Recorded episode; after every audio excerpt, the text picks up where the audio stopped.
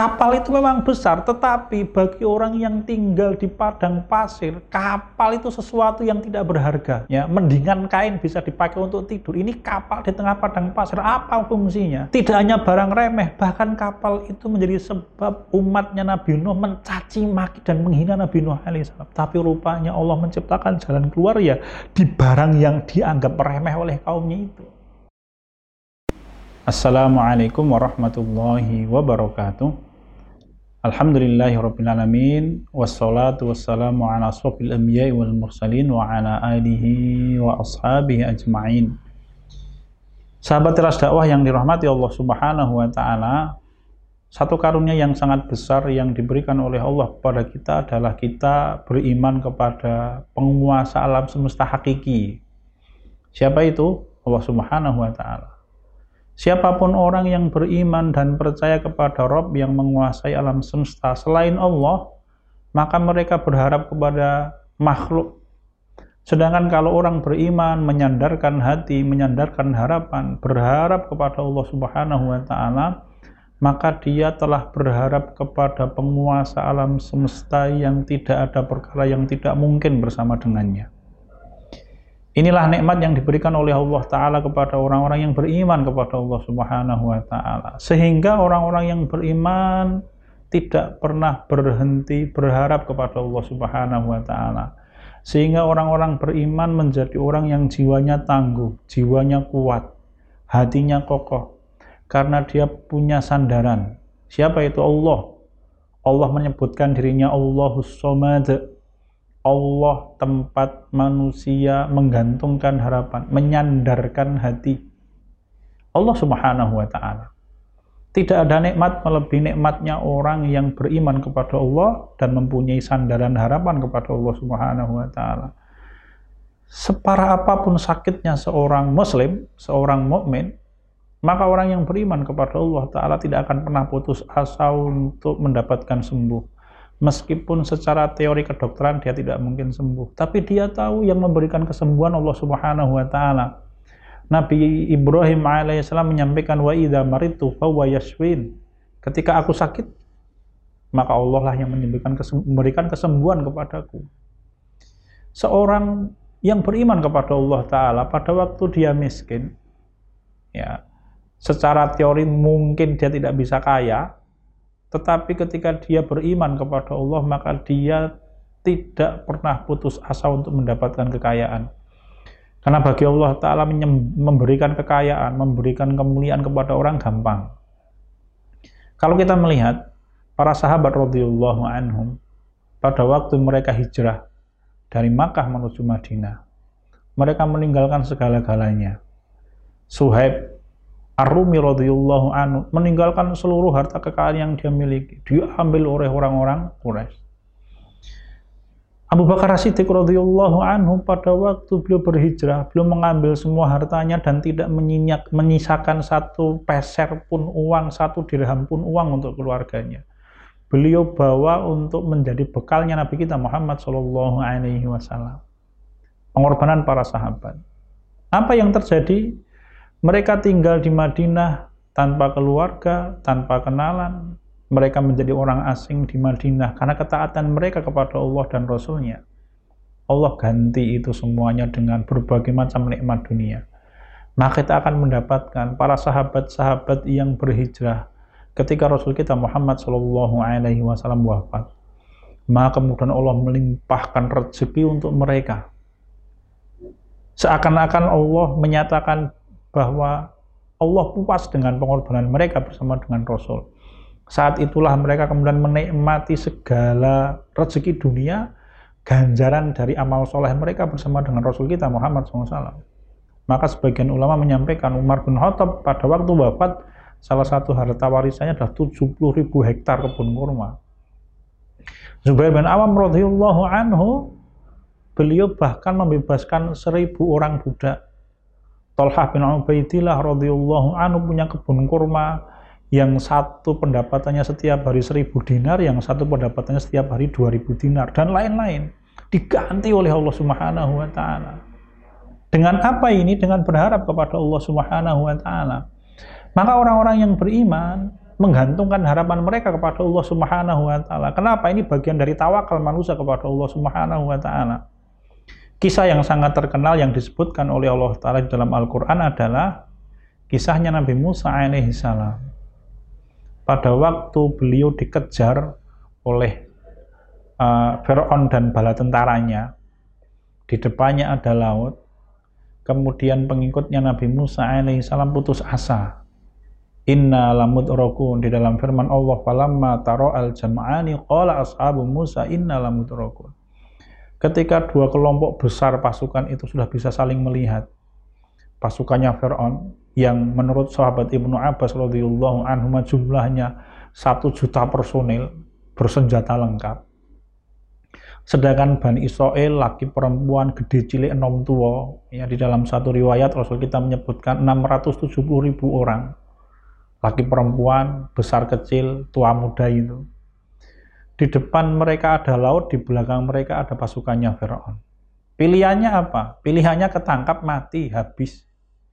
Maka pengikutnya Nabi Musa mengatakan, Inna lamutrakun wahai Musa, kita pasti akan bisa dikejar oleh Fir'aun.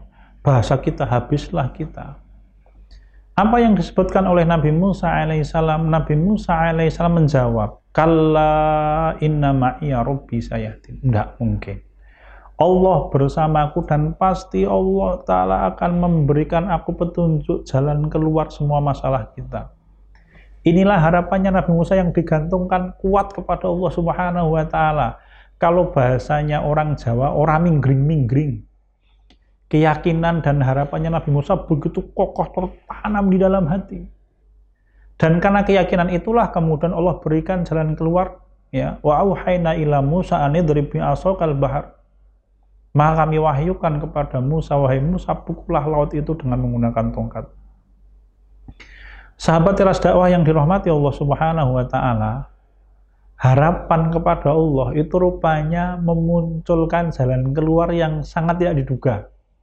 Logika kita, ini akal kita yang berlaku, kalau di depannya ada laut, di belakangnya ada pasukan musuh yang sangat besar, jalan keluarnya apa? Harusnya kan datang kapal ini. Itu logikanya manusia. Tapi rupanya Allah itu memberikan jalan keluar yang mohon maaf dalam tanda petik sarananya remeh. Apa sarananya? Tongkatnya Nabi Musa yang dibawa ke mana-mana. Rupanya itu jalan keluarnya.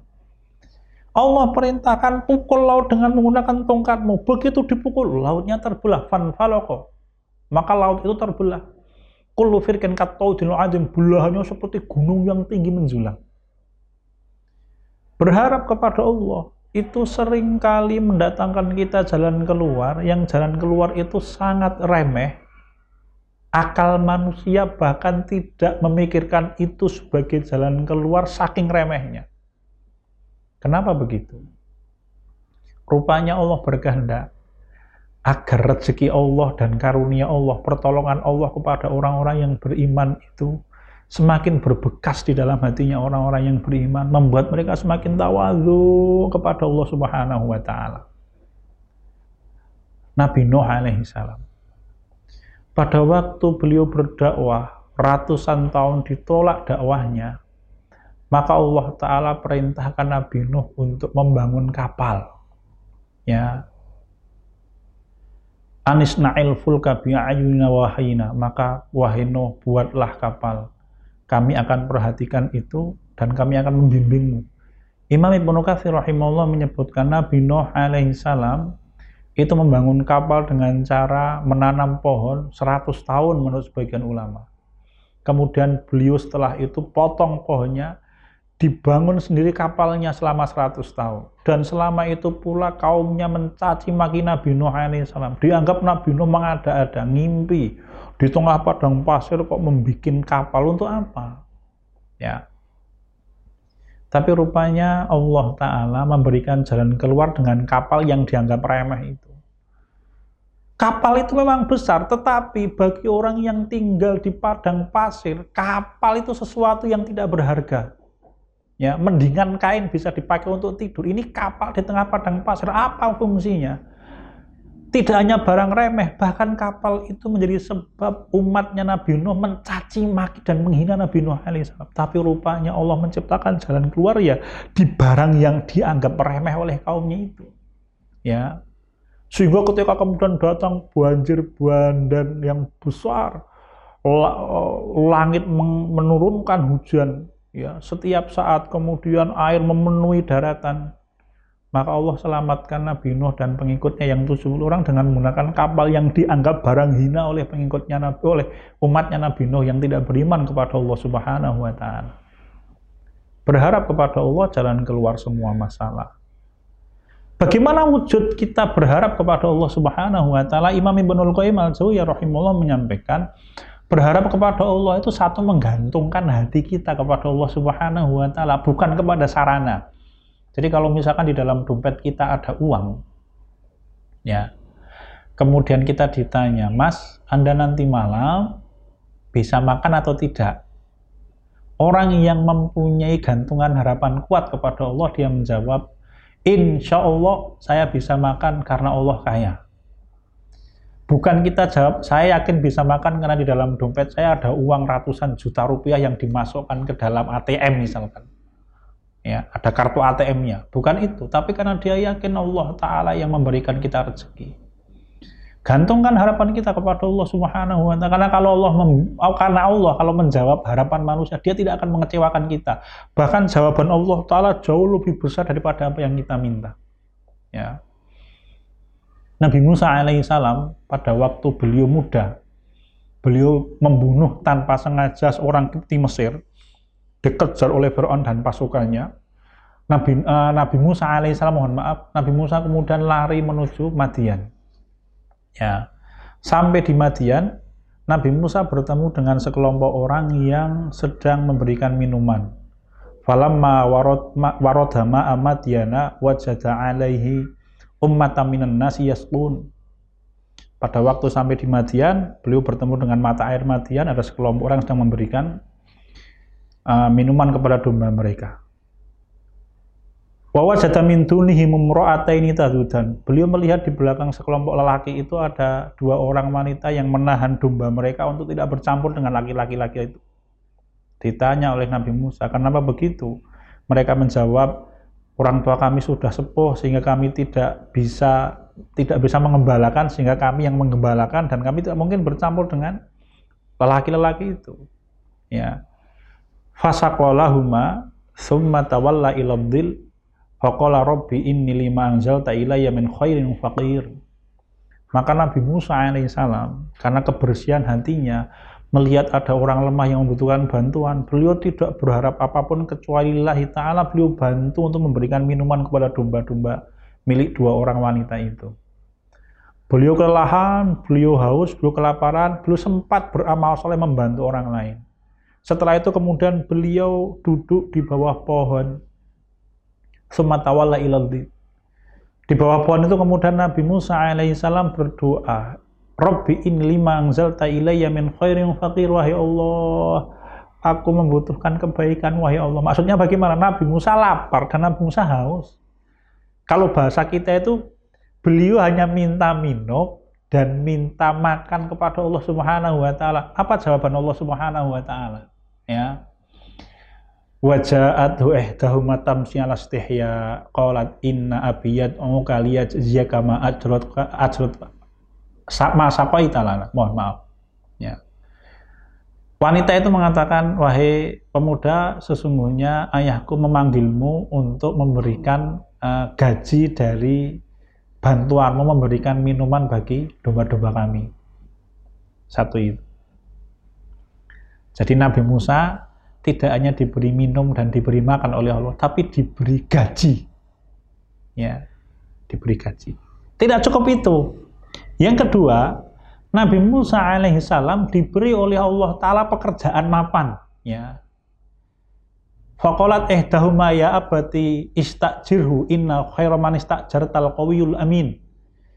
Salah seorang di antara dua wanita itu mengatakan kepada ayahnya, sebagian ulama mengatakan ayahnya adalah Nabi Suhaib alaihissalam, wahai ayah, kita sewa saja lelaki ini karena orang yang paling baik kita sewa menjadi pekerja adalah orang yang kuat dan bisa dipercaya, dapat pekerjaan.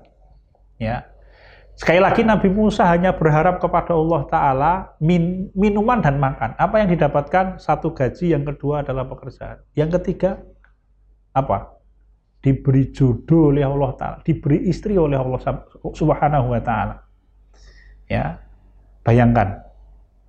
Nabi ya, mohon maaf Nabi Su'aib mengatakan, ini uridu an haka ihdab natayya hataini ala antak juroni samaniya hijaj Nabi Shu'aib mengatakan, aku kepingin menikahkan engkau wahai pemuda dengan salah seorang di antara anak perempuanku ini.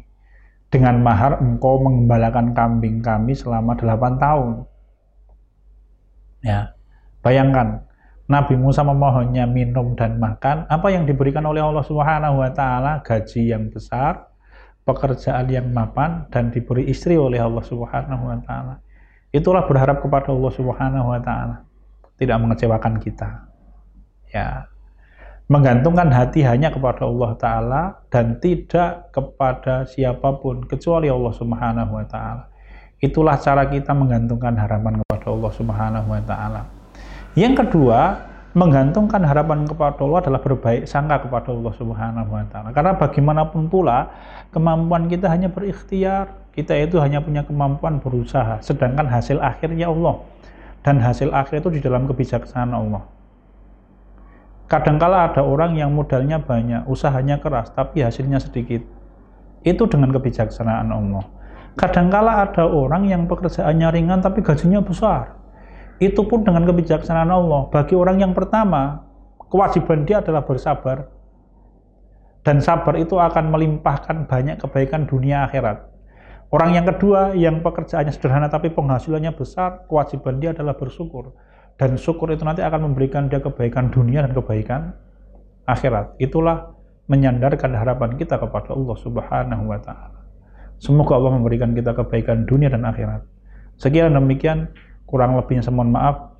Subhanakallah wa bihamdika asyhadu an la ilaha illa anta astaghfiruka wa atubu ilaik.